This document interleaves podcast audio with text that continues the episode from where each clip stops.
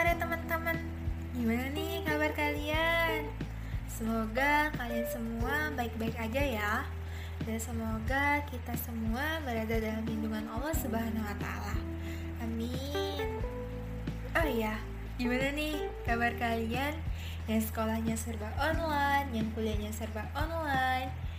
Pada pusingnya dengan tugas-tugas yang makin hari makin banyak, makin nambah, makin banyak dan jika nggak dikerjain makin banyak lagi malah bikin tambah pusing.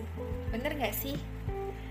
Tugas-tugas itu mereka seperti hmm, bertemu kemudian mereka berteman dengan baik. Seolah tidak ingin pergi seolah tidak ingin berpisah mereka suka menumpuk bersama-sama. Kemudian mereka berkembang biak dengan cepatnya lucu gak sih perumpamaannya tapi kayaknya bener deh kayak gitu. Bener gak sih? Kalian ngerasain hal yang kayak gitu gak sih? Yang tugasnya kayak nggak selesai-selesai yang setiap harinya nugas setiap harinya nugas yang setiap harinya nugas yang lagi berada pada tahap atau fase udah ah capek ah sekolah capek ah kuliah. Setiap hari nugas setiap hari nugas bosen ah. Ngapain ya biar seru? Atau nikah aja nggak sih?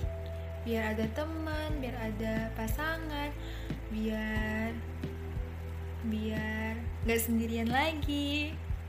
Kepikiran gak sih kalian yang masih sekolah atau kalian yang masih kuliah untuk nikah muda gara-gara capek sekolah Eits, tapi jangan dong ya, sayang banget gak sih? Jangan sampai nikah muda ya. Emang kalian udah punya calonnya? Canda. Tapi bener loh, jangan sampai nikah muda ya. Sayang banget sama diri sendiri kalau kalian memilih untuk nikah muda. Kenapa aku bilang seperti itu? Coba deh dipikir-pikir. Kalau nikah muda cuman gara-gara kalian capek mau sekolah, capek mikirin nugas, pusing dengan urusan-urusan sekolah, dengan tugas-tugas yang gak selesai-selesai, apakah dengan nikah muda kalian jadi gak capek dan gak pusing lagi?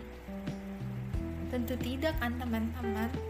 Nikah muda bisa aja nih malah bikin pusing, makin capek jika kita belum siap, baik secara mental, fisik, ataupun finansial. Nah, oke okay, teman-teman. Ngomong-ngomong tentang nikah muda nih, jadi di kesempatan kali ini kita akan mencoba membahas tentang nikah muda atau biasanya disebut dengan pernikahan dini. Kemudian kita juga akan uh, membahas mengenai bagaimana caranya memaksimalkan kerjasama dalam kelompok atau organisasi. Uh, kemudian hal ini nanti akan dijelaskan oleh narasumber kita yaitu Mbak Desi Wahyu Ningrum. Oke teman-teman, kita langsung mulai aja ya, biar nggak kelamaan akunya ngebaca di sini. Kita sambut narasumber kita yang akan menjelaskan topik hari ini, yaitu Mbak Desi. Oke Mbak Desi bisa memperkenalkan diri dulu biar akrab sama teman-teman yang lagi setia mendengarkan omongan-omongan kita. Uh, kan katanya kalau nggak kena eh bener-bener kan katanya kalau nggak kenal maka nggak sayang. Jadi silahkan mbak memperkenalkan diri. Halo semuanya, Assalamualaikum warahmatullahi wabarakatuh. Bagaimana kabarnya nih teman-teman? Semoga kalian selalu diberi kesehatan dan juga selalu bersemangat dalam menjalani segala aktivitas-aktivitasnya ya. Oke, uh, perkenalkan nama saya Desi Wahyuningrum. Jadi di sini saya dan mengajak teman-teman untuk berbincang-bincang, berbagi pengetahuan tentang nikah muda dan juga tentang organisasi Big Air. Nah, Tadi kan udah disinggung sama Mbak moderator, Mbak Bena ya. Di awal tadi Mbak Bena sudah uh, sedikit menyinggung tentang menikah muda. Nah, sekarang kita sambung aja yuk. Jadi uh, saya akan memberikan empat fakta yang perlu kalian ketahui sebelum kalian memutuskan untuk menikah muda. Yuk, langsung aja dibahas. Apa aja sih empat fakta itu? Yang pertama adalah uh, organ reproduksi belum berkembang sempurna sebelum usia 20 tahun. Nah, sebuah studi menyebutkan bahwa risiko kematian cenderung meningkat 2-4 kali lipat pada wanita yang hamil di usia muda. Nah, hal ini tuh terjadi akibat belum matangnya organ reproduksi wanita di usia tersebut, sehingga meningkatkan risiko terjadinya preeklamsia, eklamsia, pendarahan setelah persalinan, hingga keguguran saat hamil.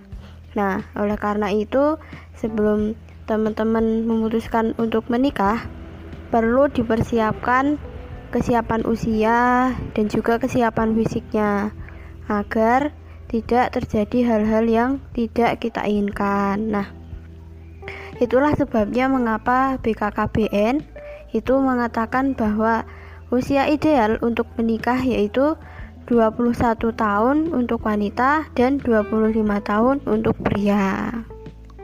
Kemudian yang kedua, fakta yang kedua yaitu KDRT rentan terjadi pada pasangan yang menikah muda. Nah, e, menurut hasil riset menurut hasil sebuah riset frekuensi kekerasan dalam rumah tangga atau biasa disingkat KDRT pada pelaku pernikahan dini itu cenderung tinggi. Riset tersebut menunjukkan bahwa dari seluruh e, pasangan muda yang menikah dini itu ada 44% mengalami KDRT dengan frekuensi tinggi dan 56% mengalami KDRT frekuensi rendah. Hal ini terjadi akibat kurangnya kesiapan mental pasangan yang menikah muda dalam menghadapi konflik rumah tangga. Nah, itu e, sebabnya mengapa e, kamu, eh teman-teman e, dan pasangan teman-teman jika akan menikah perlu menyiapkan mempersiapkan mental sebelum memutuskan untuk menikah muda. Terus kemudian e, fakta yang ketiga menunjukkan bahwa e, angka perceraian di usia muda itu e, cenderung lebih tinggi.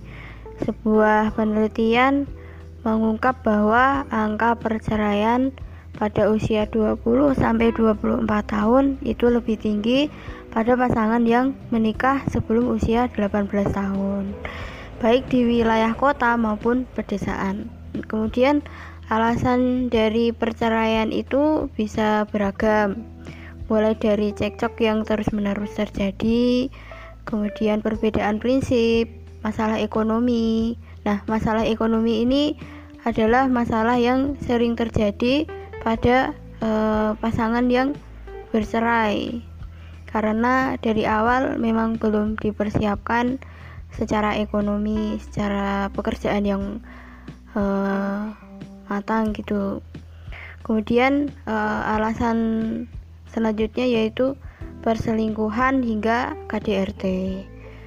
Data Kementerian Agama juga menunjukkan dari 347.256 kasus perceraian di tahun 2017 itu sebagian besar diajukan perempuan dan sepertiganya itu berusia di bawah 35 tahun. Jadi masih muda ya, teman-teman.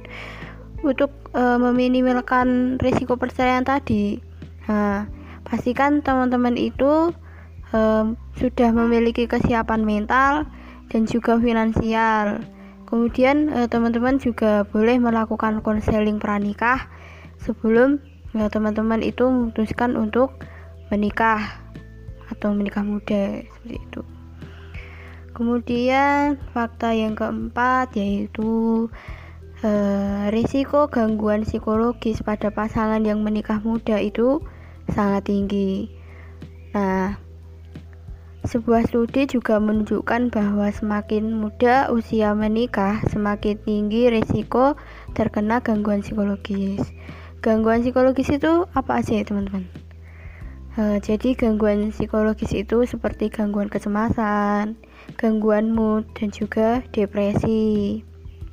Nah hal ini kan juga berkaitan dengan kesiapan mental untuk uh, membantu membina rumah tangga sebelum kalian memutuskan untuk menikah. Jadi uh, kesiapan mental ini sangat penting sekali ya teman-teman karena uh, kesiapan mental itu dipersiapkan karena uh, setelah kalian menikah itu kalian akan menjalani aktivitas-aktivitas baru yang uh, sebelumnya belum pernah teman-teman itu rasakan.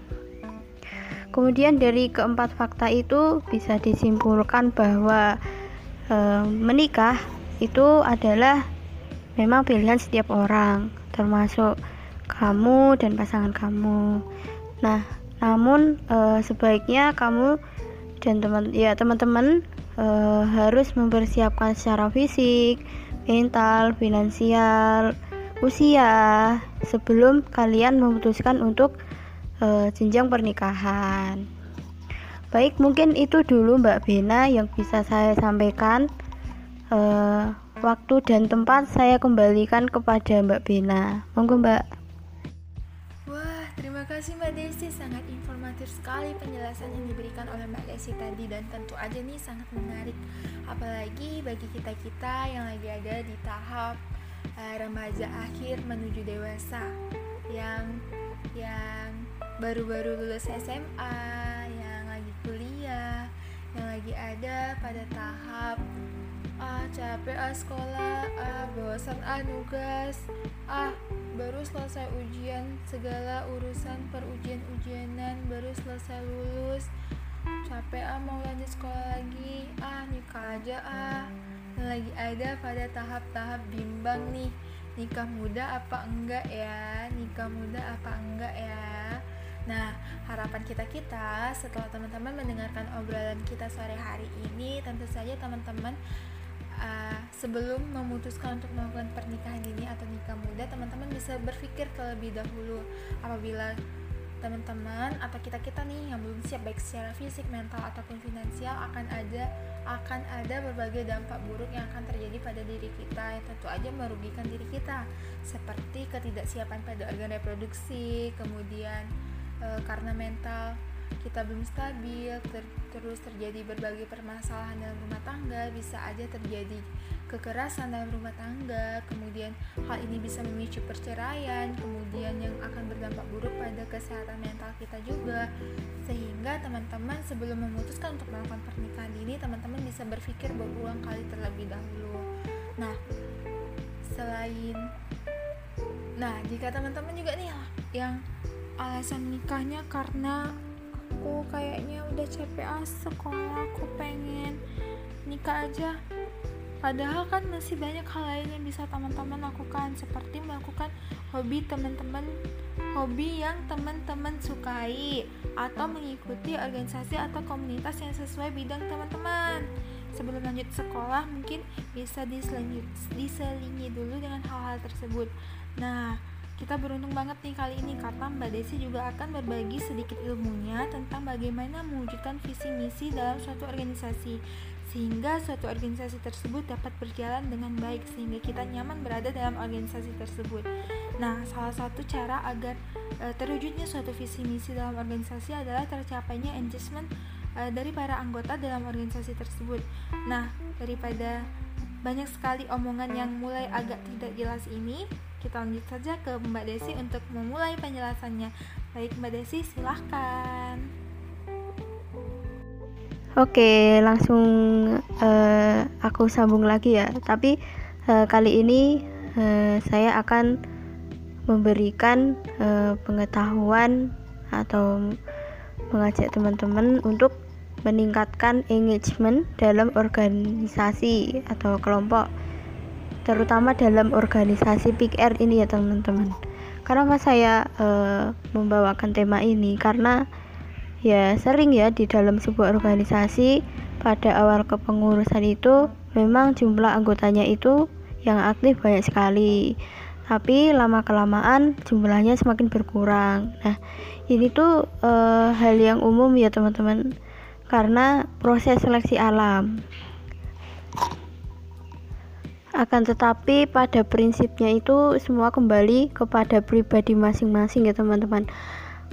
E, pada teman-teman yang berkomitmen dalam organisasi ini pasti dia tidak akan meninggalkan organisasi ini apa pun keadaannya dan juga bisa dilihat dari faktor-faktor lain seperti kenyamanan dalam organisasi, rasa kekeluargaan, rasa saling memiliki, faktor keluarga, pekerjaan, studi dan lain-lain pasti uh, akan melekat pada eh, teman-teman uh, yang berkomitmen dalam organisasi ini.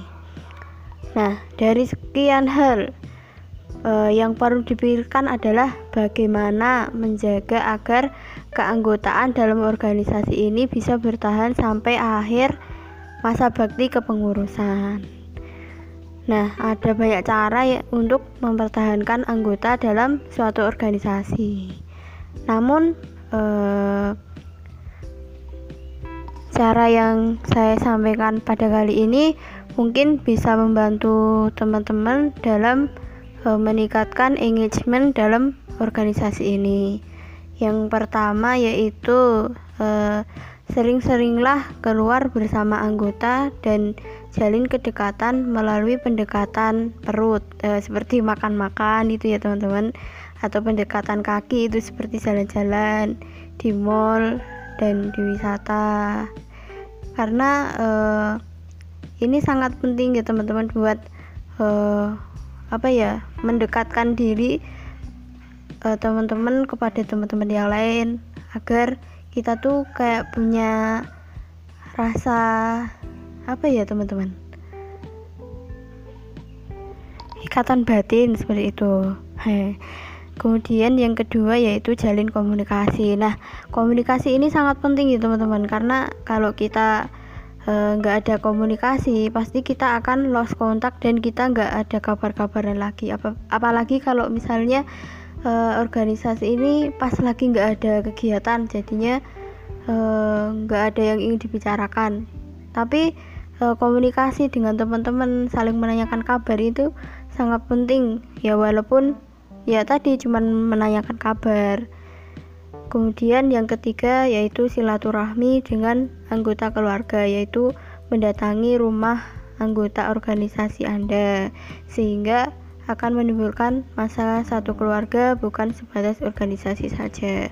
Jadi sering-seringlah ke kalian main ke rumah uh, anggota yang lain uh, biar uh, apa ya?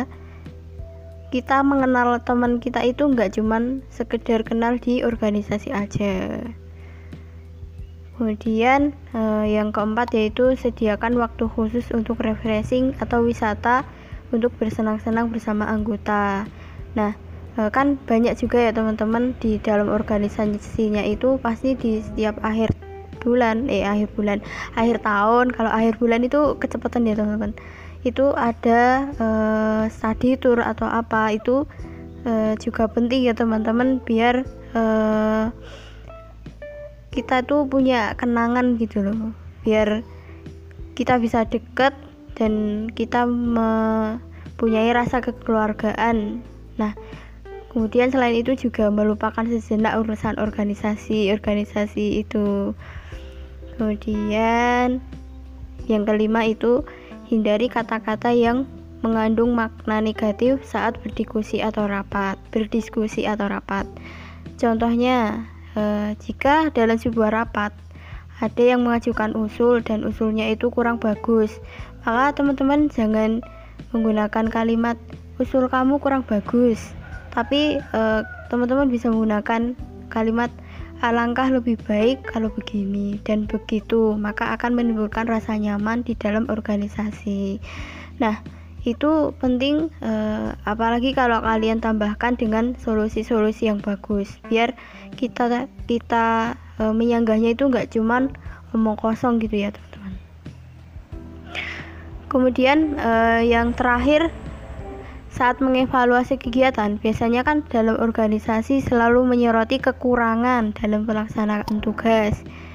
Nah, itu eh, terkadang eh, teman-teman itu lupa akan poin pembelajaran yang bisa didapatkan dari seseorang itu. Nah, oleh karena itu teman-teman uh, boleh merubah format evaluasi teman-teman dengan format bahwa evaluasi itu adalah saatnya selebrasi atau bersenang-senang dengan sedikit pesta dan menanyakan poin pembelajaran yang didapat dari masing-masing perorangan itu. Jadi uh, tidak selalu menyalahkan uh, kekurangan dari teman-teman saat uh, uh, kegiatan itu berlangsung ya teman-teman.